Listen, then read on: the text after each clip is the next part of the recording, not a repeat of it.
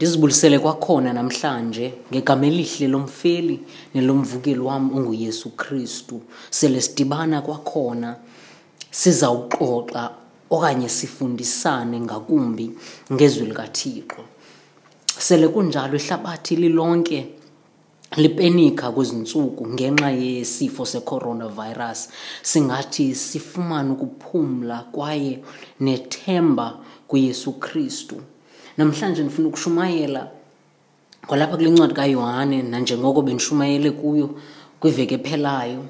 Isahluko sisesinye ngisahluko sesine but sizawufunda nje uvesi sizashumayela kuvesi 22 siyotsho kuvesi 24 into ndifuna ukushumayela ngayo lunqulo lokwenene namhlanje. Ndifuna ukushumayela ngonqulo lokwenene. Sele uthatha nam ibhayibhile yakho. Ityhile kwiincwadi zevangeli uqala ngekamateyu uze kwekamarko ibe nguluka sifike kule sifunda kuyo. Sahluko sesine chapter 4 ngelamakhumsha sandule sifunde kuvesi 22 siye kuvesi 24 ithi kwabo bezimathands bakhawuleze bayifumana nina ninqula eningakwaziyo. Thina sinqula esikwaziyo. Ngokuba usindiso luphuma kumayuda. Kodwa kuza ilixa nangoku selikho xa abanquli abayinyaniso baya kumnqula ubawo ngomoya nangenyaniso kuba ubawo ufuna abanjalo ukumnqula. Uthixo ungumoya abo ke bamnqulayo bamelwe kukumnqula ngomoya nangenyaniso. Masithandazeni. Bawo nini nto zonke wena ngusimakade wena ngusomandla ndiyakuthandaza sonini nanini ukuthi usincede somandla. Usincede kumkani siqondise inyaniso zezwi lakho. Ndikuthandaza malusolungileyo ndisithe nkosi kwangelo zwi elo ndisithe nkosi ngonyana wakho ndisithe nkosi somandla ngentsikelelo thusikelele ngazo. Ndisithe enkosi nangale platform kumkani. Ndiyakuthandaza ke simakade ukuthi ulungise iintliziyo zethu uzilungiselele ukuthetha kwakho sonini nanini nokucaciswa kwezwi lakho simakade. Ndiyakuthandaza wona malusolungileyo ukuthi uncede unciphise mna ukuze kwande wena simakade. Ndixolele izono endinazo kumkani. Ungandivumeli nakanye ukuthi ndithintele ukusebenza kwakho. Ngomoya wakho ingcwele ndiyakuthandaza ke simakade ukuba ukhona ubani omameleyo ongakwaziyo wena njengenkosi nomsindisi wempilo yakhe afikelele kwazini namhlanje. Thandaza konke asifelayo yesu kristu enkosi yethu. Amen. Now ndinombuzo umbuzo wam ungolu hlobo. Yintoni unqulo lokwenene?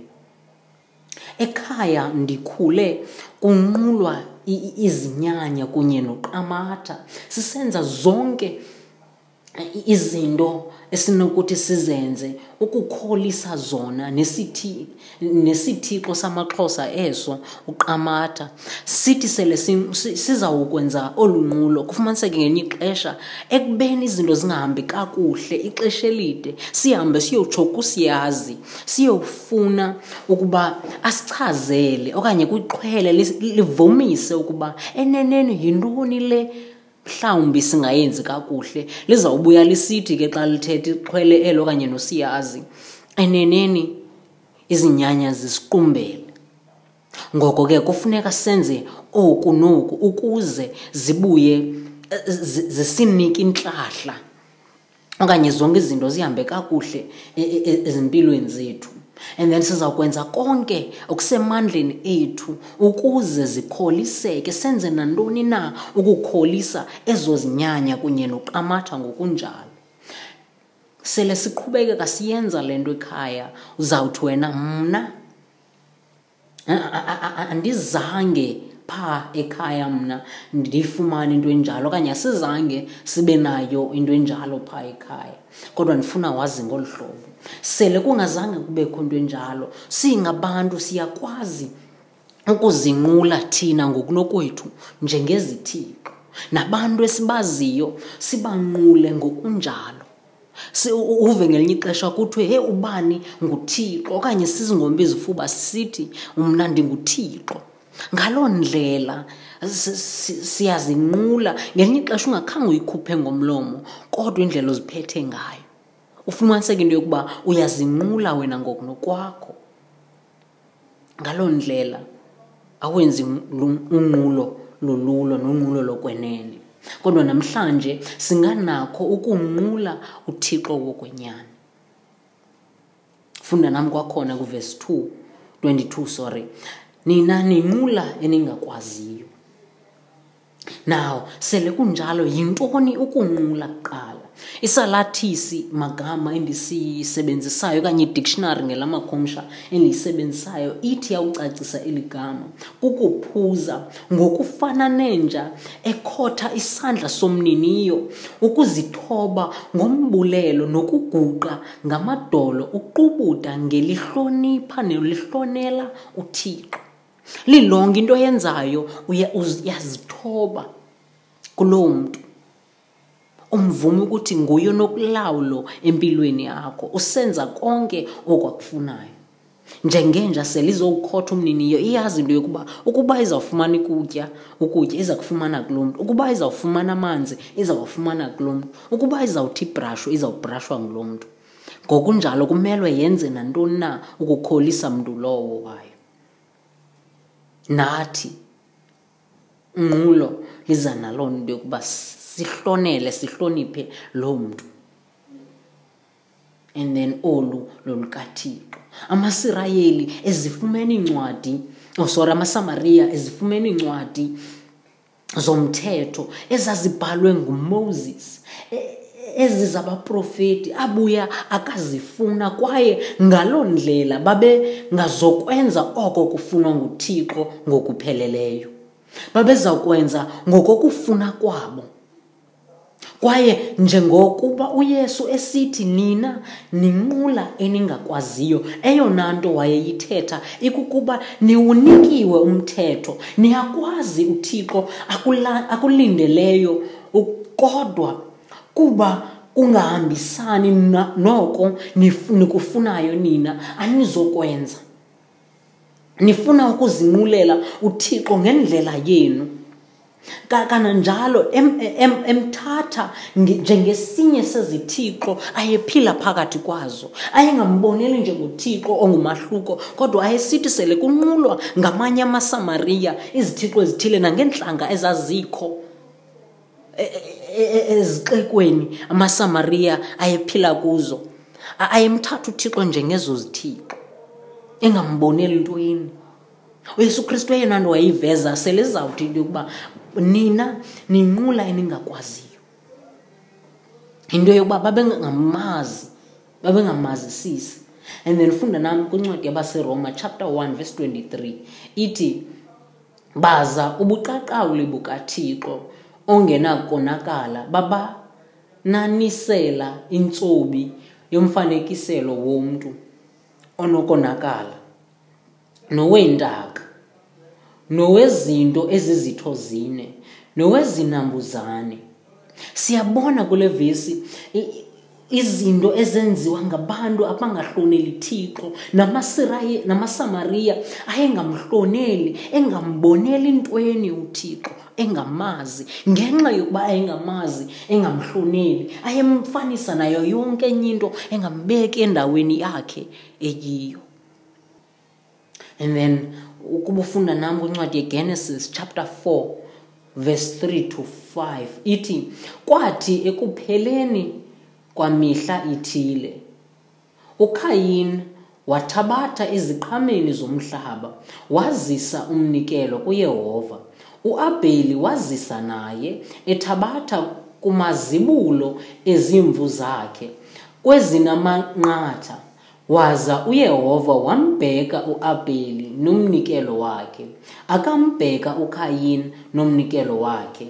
Waqumba kunene ukhayini basangana ubuso bakhe. Ekubeni bobabini besiya kuthixo beyokumnqula ngeminikelo omnye wamkelwa omnye akazange ngoba waye wafuna ukumnqula uthixo ngendlela yakhe. Sele ecinga uyamazi uthixo wayengamazi wayesazi ngaye ngokuba ukuba wayemazi ngewenze izinto ngendlela kathixo. Ngokuba ndikholelwa ekubeni wayesiva time and again kuadam noeva ukuba uthixo ufuna ukunqulwa njani sele umbonga uthixo umbonga njani sele usenza izinto usenzela uthixo uzenza njani kodwa wakhetha ukwenza ngokokuthanda kwakhe. Ndimthanda kwincwadi yendumiso chapter 25 verse 14 isifundisa into yokuba ucweyo lwakhe ulityhila kwabasondele kuye. Icebo likathixo sizawulazi ngosesondele kuye. Ngaba umnqula ngandlela yiphi uthixo? Uyamazi kusini na? Njengomyuda uyesu uye azise lo msamariyakazi ukuba endaweni yokuba nabo engakumbi yena aphambuke anqule nto namntu wumbi kwaye angamaziyo. Uzisa ubudlelane obukho phakathi kwakhe nothixo ngokuba wayesazana nothixo. Babe banye kwaye esenza kanye oko kwakufunwa nguthixo. Ngokunjalo namayuda ayethobela umthetho kunye nabaprofeti ngelithi siyaqonda konke oku kuvela kuthixo.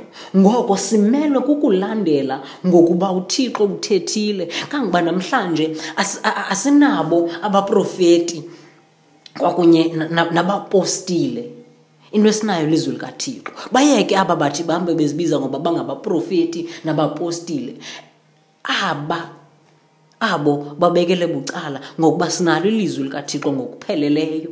Yonke into uthixo afuna uyithetha ezimpilweni zakhe ezimpilweni zethu isebhayibhileni kumele silandele lona njengento ethethwa nguthixo sihambe siyokwenza. Funda nam kwincwadi yemizekeliso chapter 17 verse 23 ithi kuba ndithe ndihamba ndihamba ndisingasinga. Izinto enizihlonelayo ndafumana nesibingelelo ekubhalwe kuso kwathiwa kongaziwayo uthixo. Lowo ngoko nimhlonelayo ningamazi ndinazisa yena mna. Upawulosi ebona esi sibingelelo uye akhathazeke entliziyweni ngabantu baseatene afune ubazisa ngalowo wayenobudlelane naye nabo bazane naye bamnqule ngokufanelekileyo bamazi baphele basuke kwinto ethi lowo ungaziwayo okanye kuthixo ongaziwayo. Ezi yayizinjongo zikakristu ngale ntokazi. Ikwazizo ezikathixo ngam nawe namhlanje. Yiyo loo nto wakhupha unyanakhe wamzisa emhlabeni ukuthi sikwazi ukuba nobudlelane naye sikwazi ukuthi simnqule ngendlela yakhe. And then kwalapha kuvesi 22 phaa ekugqibeleni ithi ngokuba usindiso luphuma kumayuda. Abantu abaninzi abawuchani umcimbi wenkolo yobuKristu. Amaxesha amaninzi baza kuthi yinkolo yamayuda noyesu. Wayengumyuda. Ewe kunjalo. Ngoko athi siyalahle bathi siyalahleka sakulandela yena. Kodwa le vesi isivezela umfanekiso omhle wokuba nanjengoko kwakuprofetiwe ngumesiya ozayo ngomsindisi ozayo oya kuphuma kwisizwe nohlanga lwakwayuda engazosindisa amayuda kuphela kodwa ihlabathi liphela. Funda nam kwincwadi kumahebhere chapter 7 verse 14 ithi kuba kusekuhleni kanye ukuba inkosi yethu iphume kwesikayuda isizwe eso angathethanga nto ngaso umoses ngobubingeleli. Aphume kubantu abaza kuba ngumzekelo abo banobukumkani nobubingeleli. Olusindiso siludingayo lalungena kuphuma nakubani na? Lalungena kuphuma nakusiphi na isizwe kodwa kwakuzawumele luphume kuhlanga kuqala oluzawuthi lubizwa ngegama likathixo luphume kwisizwe uthixo wayesithembisile ngodavide kukuba kwinzala yakhe umesiya uzawuvela kuyo.